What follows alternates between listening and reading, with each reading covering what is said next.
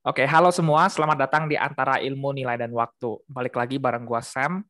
Dan kita ada di episode ekstra dari chapter pertama setelah kemarin udah melewati tiga episode di chapter pertama. Hari ini gue bakal cerita satu hal di episode ketiga setengah buat gua, yaitu tentang kepala sekolah gua. Jadi ya, setelah gua ngomongin kenapa gue masuk Jupan, terus kemudian gimana sih hari-hari awal gua, dan gimana sih UTS gua gitu yang berlangsung dari um, sejak gue kelas 10 sampai akhirnya gue lulus di SMA 78. Nah, tentunya kan hal-hal itu terjadi atas kepala atas izin dari kepala sekolah gitu. Kemudian kepala sekolah lah yang biasa jadi penanggung jawab atas semua acara mulai dari um, PPDB, kemudian MPLS, dan ketika terjadi hal-hal yang tidak diinginkan ya kepala sekolah lah yang harus bertanggung jawab atas hal itu. Jadi ya bisa dibilang kepala sekolah adalah satu hal yang vital banget dalam peranan satu sekolah itu. Nah, hari ini gue bakal bahas um, gimana sih kepala sekolah di 78 selama ini gitu. Nah, di 78 um, kepala sekolah gue ada dua, pasat uh, bukan dua secara langsung menjabat gitu ya. Jadi setelah dari awal sampai gue UTS itu kepala sekolah gue ada satu, terus dia naik uh, naik jabatan dipindahkan ke kantor Mendikbud DKI atau Jakarta Barat gue lupa, dan akhirnya digantikan oleh kepala sekolah dari um, SMA negeri yang lain gitu.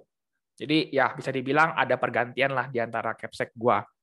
Dan itu bisa dibilang sangat berubah lah. Karena um, arah kebijakan dari mereka berdua bisa dibilang dari menurut gua berbeda jauh gitu. Nah, um, gue bakal cerita capsek gue yang lama dulu sedikit ya sebelum kita uh, pindah ke capsek baru yang sekarang sampai sekarang masih menjabat gitu. Dan um, sedikit disclaimer aja, kalau ini gue bukan bermaksud untuk uh, menjelek-jelekan capsek gue yang lama ataupun yang baru, tapi ya semua punya kekurangan, semua punya kelebihan, dan um, gue harap bahwa apa yang gue bilang bagus tetap dipertahankan, dan apa yang gue bilang kurang ya semoga bisa dijadikan lebih baik gitu. Dan um, semoga bisa membawa 78 ataupun institusi yang um, Bapak Ibu Capsek pada saat itu um, jabat sebagai baik sebagai ketua ataupun sebagai yang lain ya bisa lebih baik gitu. Jadi ya tanpa berlama-lama lagi kita masuk di episode yang ketiga setengah ini. Oke, kita mulai. Jadi ya begitulah um, kondisi gua pada saat capsek gua akhirnya meninggalkan gua. Gua sedih jujur karena gua harus ya ditinggal oleh satu capsek yang menurut gua jadi capsek yang jadi role model banget lah buat kita semua gitu.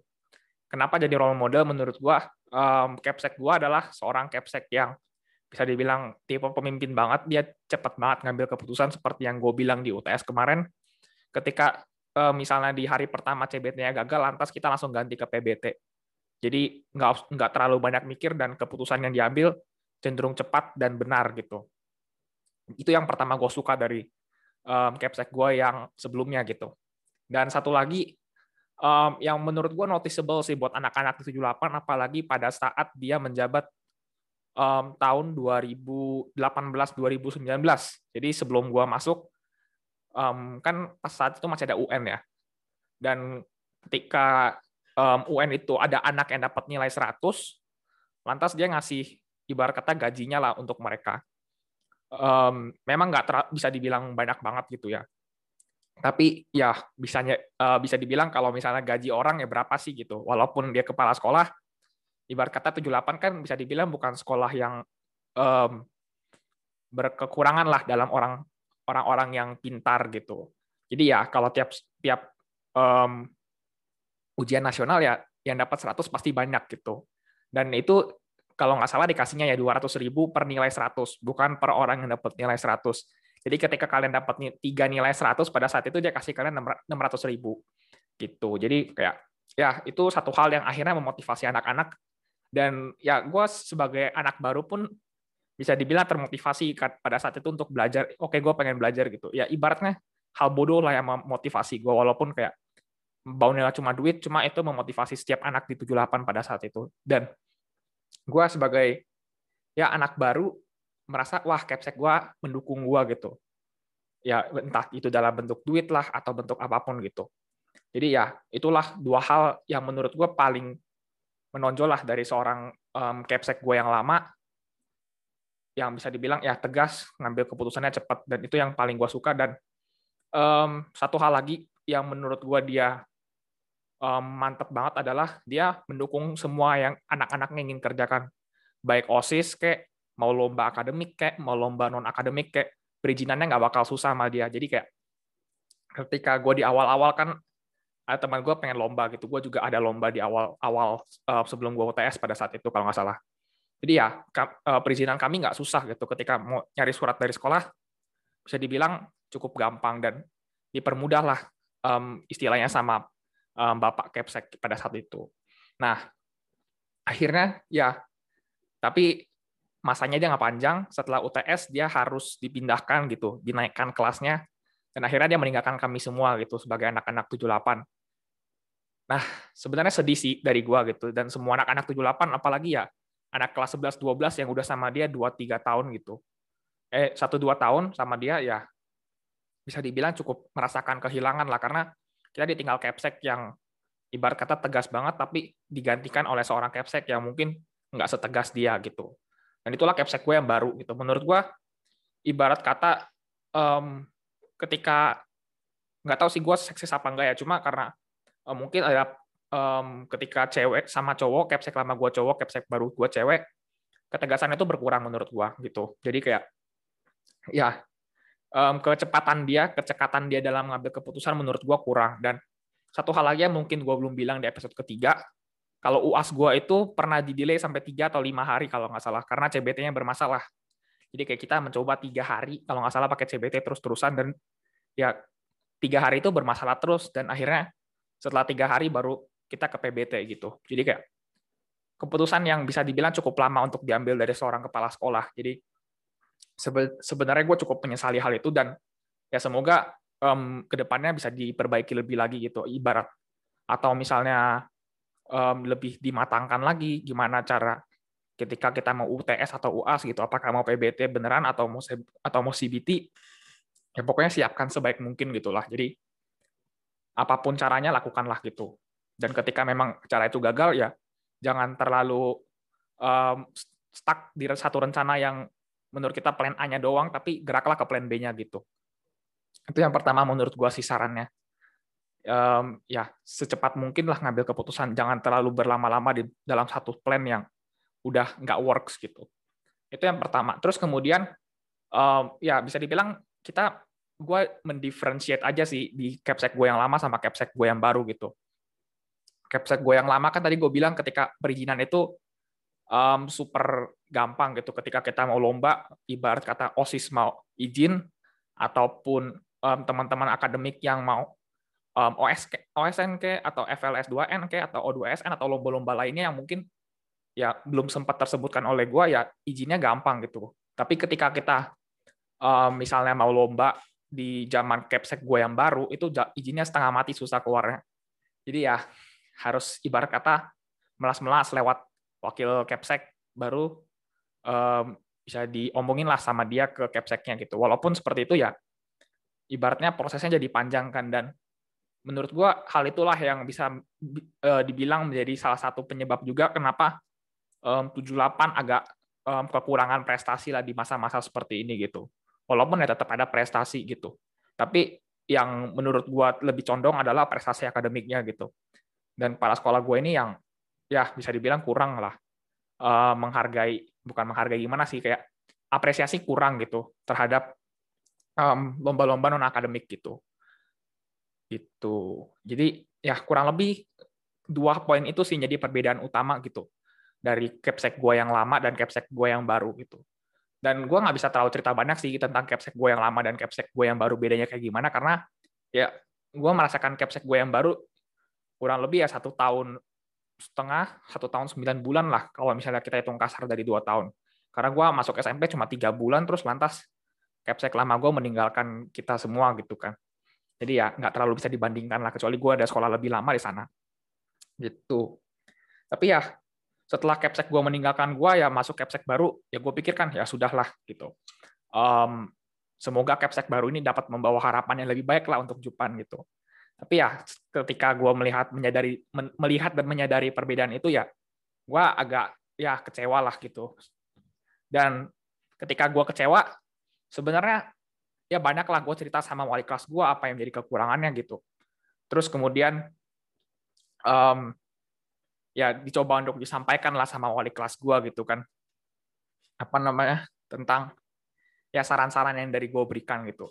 Dan sebenarnya ada satu poin lagi ketika kita sebagai anak Jupan sebenarnya udah difasilitasi nih sama sekolah gue sebenarnya cukup seneng lah karena um, kepala sekolah gue bukanlah kepala sekolah yang ibarat kata tutup mata akan saran-saran kita um, tapi dia ibarat kata pengen membuka diri lah untuk saran-saran kita gitu lewat forum aspirasi pada saat itu. Jadi ya bisa dibilang gue sama teman-teman gue sekelas yang dua tahun, um, gue mewakili teman-teman gue pada saat itu karena gue posisinya gue ketua kelas ya di kelas-kelas online gue ketua kelasnya gitu. Mewakili teman-teman gue untuk maju di forum aspirasi, gue menyampaikan apa yang jadi aspirasi gue secara pribadi, terus kemudian aspirasi teman-teman gue dan lantas ya begitulah. Um, forum aspirasinya bisa dibilang um, nggak tahu gimana tapi gue gue merasa forum aspirasi itu adalah um, suatu kegagalan gitu. Kenapa gue bilang kegagalan? Karena yang pertama adalah uh, mungkin ketika kita ngomong kepala sekolah jadwalnya sibuk ya gue mengadmit bahwa kepala sekolah itu sibuk gitu. Tapi ketika um,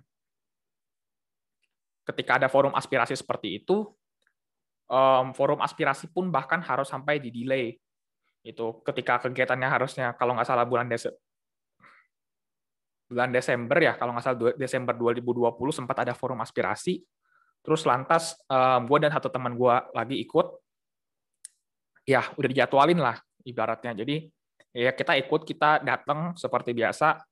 Ya ibarat kata kita mau ketemu pejabat ya sopan lah datang lebih pagi lewat zoom gitu kan terus kita ya sebisa mungkin dengan bahasa yang sebaik mungkin pengen mengemukakan pendapat kita cuma pada saat itu um, meetingnya di delay gitu. Jadi ketika um, kita udah nunggu kurang lebih satu jam akhirnya datanglah wakil kepala sekolah datang ya dan bilang meetingnya di delay sampai kalau nggak salah ketika kita masuk semester selanjutnya baru akhirnya dilaksanakan itu forum aspirasi. Dan ketika dilaksanakan itu um, ibu kepala sekolah gue nggak hadir di saat itu. Dan menurut gue ya satu disappointment banget lah buat gue apalagi kayak kita kan ibarat kata bukan um, ibarat ya presiden sama rakyat jelata yang jauh banget bedanya gitu kan. Bahkan kalau misalnya ngomongin ya presiden sama rakyat jelata yang nggak sejauh itu harusnya. Kadang-kadang presiden juga masih belusukan. Tapi kayak um, ya ibarat kata tanda petiknya belusukan itu jarang terjadi dalam um, sekolah gua gitu. Dan yang akhirnya maju untuk menanggapi gua semua adalah wakil kepala sekolah gua. Dan menurut gua ya ibarat kat, um, apa yang mereka tawarkan ke gua tuh nggak memuaskan gitu.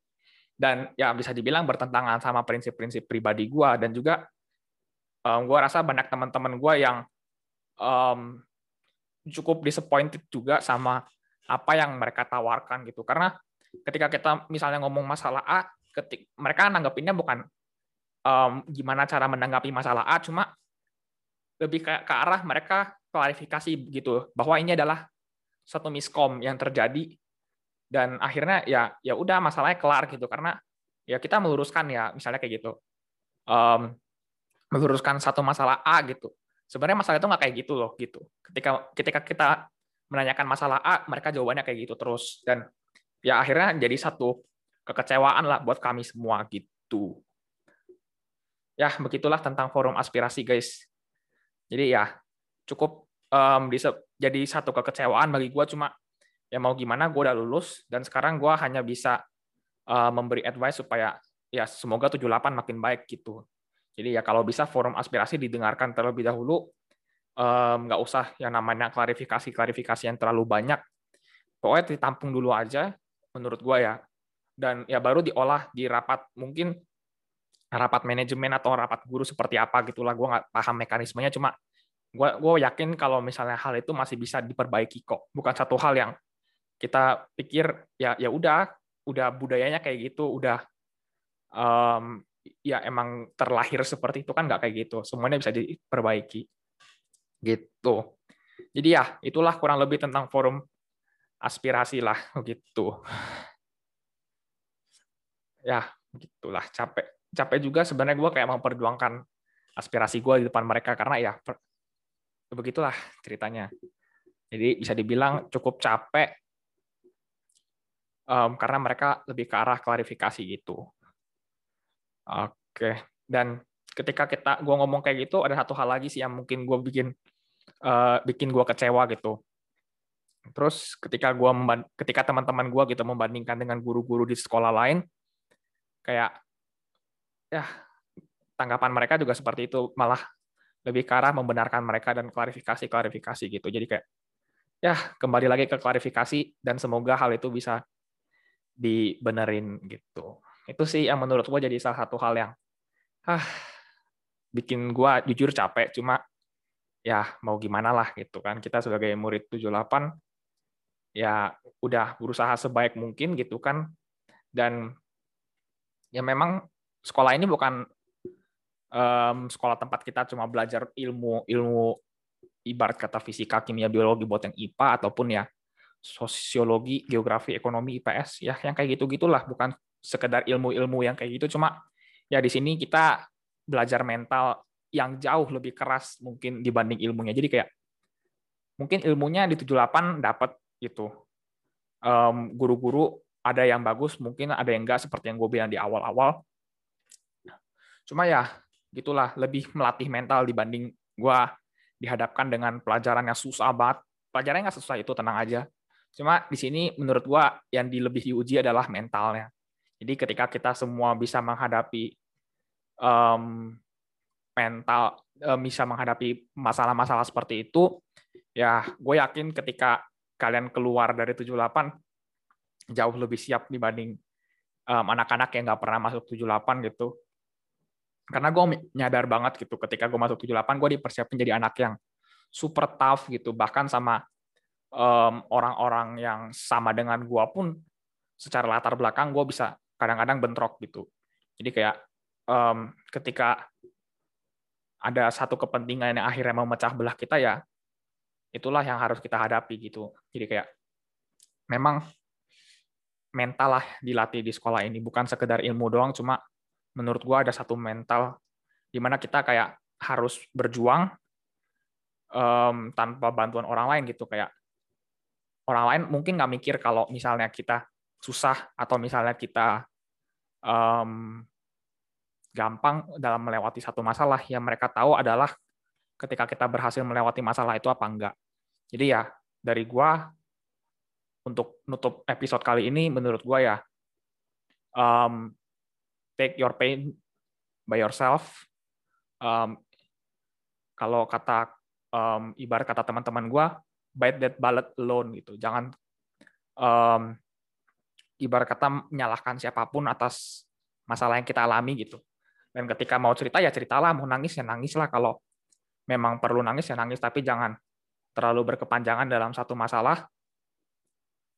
Dan ya tetap uh, move forward setelah kalian menghadapi satu masalah itu. Karena ingat kita hidup bukannya cuma satu hari kita hidup bukannya cuma satu masalah yang ah, yang nggak bakal bisa selesai. Dan masalah itu haruslah kita yang menyelesaikannya gitu bukan orang yang lain yang menyelesaikannya. Karena kita nggak bakal um, bisa berharap bahwa orang lain akan menyelesaikannya untuk kita. Dan kita yang harus menyelesaikannya sendiri jadi itu aja dari gua. Ya semoga ini bisa jadi saran sih buat um, capsek-capsek yang akan datang ataupun um, ibu capsek yang sedang um, bertugas di 78 dan semoga di tahun ajaran ke depannya dapat semakin baik lagi. Jadi itu aja dari gua. Um, share buat teman-teman yang kalian rasa kalian um, kalian rasa mereka butuh banget podcast ini.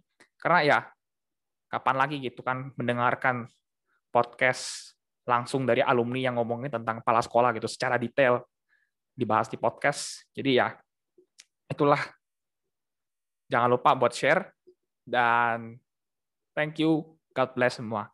Bye bye.